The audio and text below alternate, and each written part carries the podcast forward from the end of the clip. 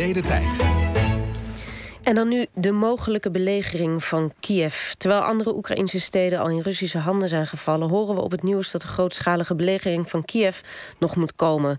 Het dik 60 kilometer lange legerconvooi staat op enkele kilometers afstand. Bij ons is Serge Blom, militair historicus, verbonden aan het Nederlands Instituut voor Militaire Historie, die alles weet van de geschiedenis van de belegering en omsingeling van steden. Welkom. Goedemorgen. Um, ja, die, die uh, kolonne um, die staat nu al een tijdje stil. Er wordt gesproken van brandstoftekort, voedseltekort, uh, laag moraal bij de Russische eh, soldaten. Wat, wat denk jij dat er aan de hand is?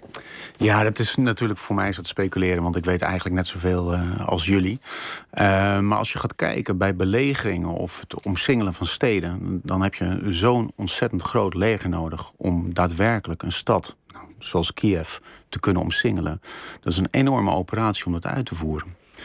Als we kijken naar de grotere operaties uit het verleden, bijvoorbeeld eh, rondom eh, Berlijn in 1945, dan worden echt Russische fronten, Russische legers, moeten eerst Berlijn omsingelen voordat ze zich kunnen opmaken voor een daadwerkelijke strijd om de stad als die er gaat komen. Dus het is een ontzettend grote, grote militaire operatie. Tegelijkertijd horen natuurlijk berichten het Oekraïnse leger eh, zich ontzettend verzet uh, tegen, tegen de opmars vanuit de diverse richtingen tegen, tegen de stad. Dus het kan, het kan van alles zijn, maar eh, het is niet te onderschatten hoe groot zo'n operatie is om die uit te voeren. Want je zegt, als je denkt aan dit soort belegeringen, dat is een gigantische operatie. Je noemt Berlijn. Nu denken veel mensen natuurlijk ook aan Leningrad, uh, uh, beroemde belegering. Is er iets van een. Wat duurt het altijd zo lang? Dat kan er helemaal, helemaal uh, van afhangen. in geschiedenis heb je natuurlijk allerlei soorten voorbeelden van, van belegingen of, of uh, gevechten om steden. Urban warfare noemen we dat. Uh, als je gaat kijken naar de Amerikaanse invasie in 2003 in Irak. daar wordt Bagdad eigenlijk bij verrassing genomen door één gemechaniseerde brigade. Nou, dat is, dat is ongeveer 3000 man met tanks en panzervoertuigen. En die hebben binnen de kortste keren stonden zij in, in de green zone en bij verrassing gebruik van gemaakt gemaakt. Waardoor het moreel van de Irakese troepen en de Fedayeen uh, in, in Bagdad uh, ineenstorten. Waardoor ze snel die stad hebben kunnen innemen. Maar dat, dat lijkt nu geen waarschijnlijk scenario. Als je kijkt naar het scenario wat, je, wat nu waarschijnlijk zou zijn, hè, voorbeelden uit de geschiedenis. Waar, waar, waar kunnen we iets van leren wat je, waarvan je denkt, zo zou het nu ook zomaar kunnen gaan? Dat, dat is het allermoeilijkste met geschiedenis. Maar probeer je, moeten we denken aan, aan Grozny, wat, wat helemaal plat gegooid is door, eh, door de Russen. Waar, waar moeten we aan denken? Waar zouden we aan kunnen denken? Die vergelijking dringt natuurlijk op. Uh, Grozny, als we dat gaan bekijken, dan zeker met name de eerste, eerste oorlog in Tsjetsjenië. 1994, 95. En dan uh, dat het Russische leger eigenlijk denkt dat ze met een show of force Grozny binnentrekken. En dan al op die eerste dag in een hinderlaag lopen. En daarbij een aantal honderden eh, soldaten aan verlies hebben en tientallen panzervoertuigen verliezen. Vervolgens zie je dat er een tweede fase komt in die oorlog. En die, uh, die tweede fase die kenmerkt zich door systematisch, methodisch voorwaarts gaan uh, achter een vuurwals, waarbij uh, de Russische artillerie de, eigenlijk de weg baant door die stad heen voor de Russische troepen. Ze schieten zich door die stad heen. Ja, ja, en uh, dat, die nieuwe tactiek, dat zie je ook heel duidelijk terug uh, in, de, in de Tweede Oorlog in Tsjetsjenië. En dan uh, roept de VN ook ja, twijfelachtig hier dat Grozny de meest vernietigende stad op, op aarde is. Dus je ziet een van de kenmerken, en dat zie je ook terug in Aleppo. Dat Aleppo? Uh, in Syrië, dat, waarbij uh, de Russische luchtmacht natuurlijk ook uh, mee heeft geholpen aan het, aan het bombarderen van de stad Aleppo, waarbij ze zwaar leunen op een vuurkracht. En ook als je gaat kijken naar bijvoorbeeld Berlijn 1945. Uh, leunt de Russische troepen zwaar op een, op een artillerie, op een raketwerpers. Om dat pad voor de infanterie te banen door uh, op weg naar het uiteindelijke aanvalsdoel in een stad. En wat kun je dan doen als belegerde? Wat, wat kun je doen? Nou, je, je, ziet al dat het uh, dat bij uh, dat is de, nu met urban warfare is het zo dat krijgsmachten zich echt voorbereiden op een um, uh, op oorlogvoering in steden, urban warfare, omdat de letaliteit van wapens zo hoog is geworden. Als we nu gaan kijken naar de drones die we, die we zien, de dronebeelden die we, die we krijgen te zien van het Oekraïnse leger is dat leger zich terugtrekken in steden.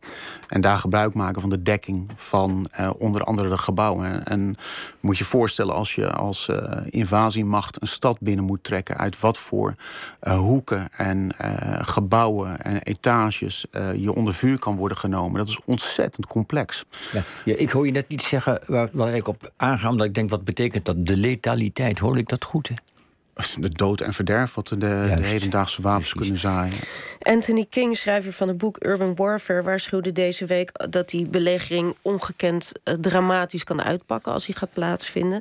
Hij vergeleek het zelfs met uithongering en verwoesting uit de middeleeuwen.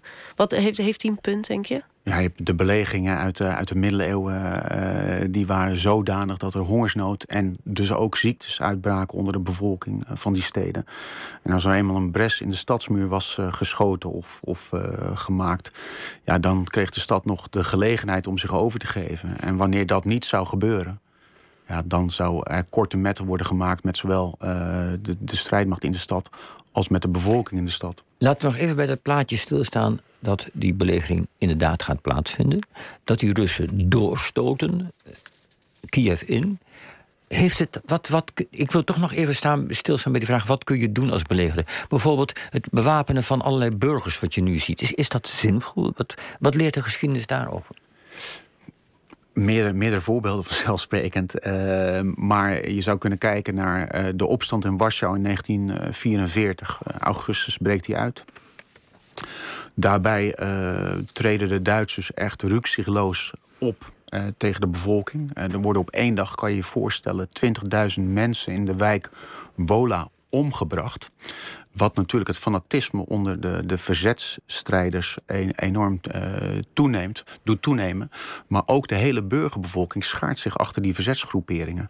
En dan zie je ook uh, als je uh, dat uh, zelfs de kinderen worden ingezet, de padvinders worden ingezet om boodschappen door te uh, geven aan, aan de troepen uh, in, in, in het front. Hè. Je zit in Warschau, bij de stadsmuren zie je ook een kleine, The Little Insurgent is, is de titel van het beeld, zie je staan. Dus dat, dat, die hebben weken dat vol kunnen houden, omdat de hele bevolking erachter ging staan.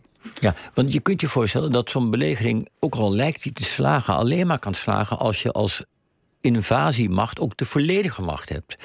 Want, want als je even, even bij Berlijn stilstaat in 1945. Uh, dat wordt belegerd, uiteindelijk succesvol, ondanks enorm verzet. Omdat men gewoon in dat hele land eigenlijk al de basis als geallieerde. Is, is, speelt dat een rol? Is er eigenlijk wel kans op succes met die belegering? Dus dat is, er gaan, uh, als de, het Russische leger Kiev binnen gaat trekken. Dat is een stad van 3 miljoen inwoners. Ontzettend grote oppervlakte. Dan heb je ontzettend veel troepen nodig om daadwerkelijk uh, alle weerstandshaarden op te ruimen. Dat zal gepaard gaan met enorme verliezen. Dus het is de vraag of het Russische leger daadwerkelijk de stand binnen gaat trekken. Wetende wat ze te wachten staat naar, aan, naar de lessons learned van Grozny. En je ziet ook dat ze wellicht gaan steunen op hun uh, zware wapens, luchtmacht uh, of, of artillerie. Um, dat zie je ook in Aleppo. Uh, en wellicht ook, je hebt ook voorbeelden uit de geschiedenis, bijvoorbeeld in de Frans-Duitse oorlog, was een aardig tijdje terug. 1870, geloof ik. Zeker, 1870, 71, waarbij Bismarck uiteindelijk de toestemming krijgt en de opdracht geeft aan de veldheer Helmut van Moltke om Parijs te gaan beschieten om zodoende uh, de stad tot overgave te dwingen en de Franse Republiek uh, zich te doen laten overgeven. Dus eigenlijk zeg je, we moeten er ook ernstig rekening mee houden dat die belegering niet plaatsvindt, dat ze op een andere manier Oekraïne op de knieën proberen te krijgen. Door massale bombardementen wat we nu zien. Dat zou, en dat, erger. Dat zou een mogelijkheid zijn. Hè. Wat we ook weer zien, en dat is. Uh, met, met oorlogvoering in steden. En daar moeten we altijd rekening mee houden. Met uh, ja, ook uh, bijvoorbeeld monumenten. Er staan een aantal uh, monumenten, orthodoxe kerken in, in het centrum van, van, van Kiev. Wat gaan ze daarmee doen? Want dat is ook heel erg belangrijk. Lichtgevoelig, hè? Zeker, ja. Dus Goed, hartelijk dank Serge Blom voor deze toelichting. Laten we hopen dat het allemaal niet gaat gebeuren. Straks in het tweede uur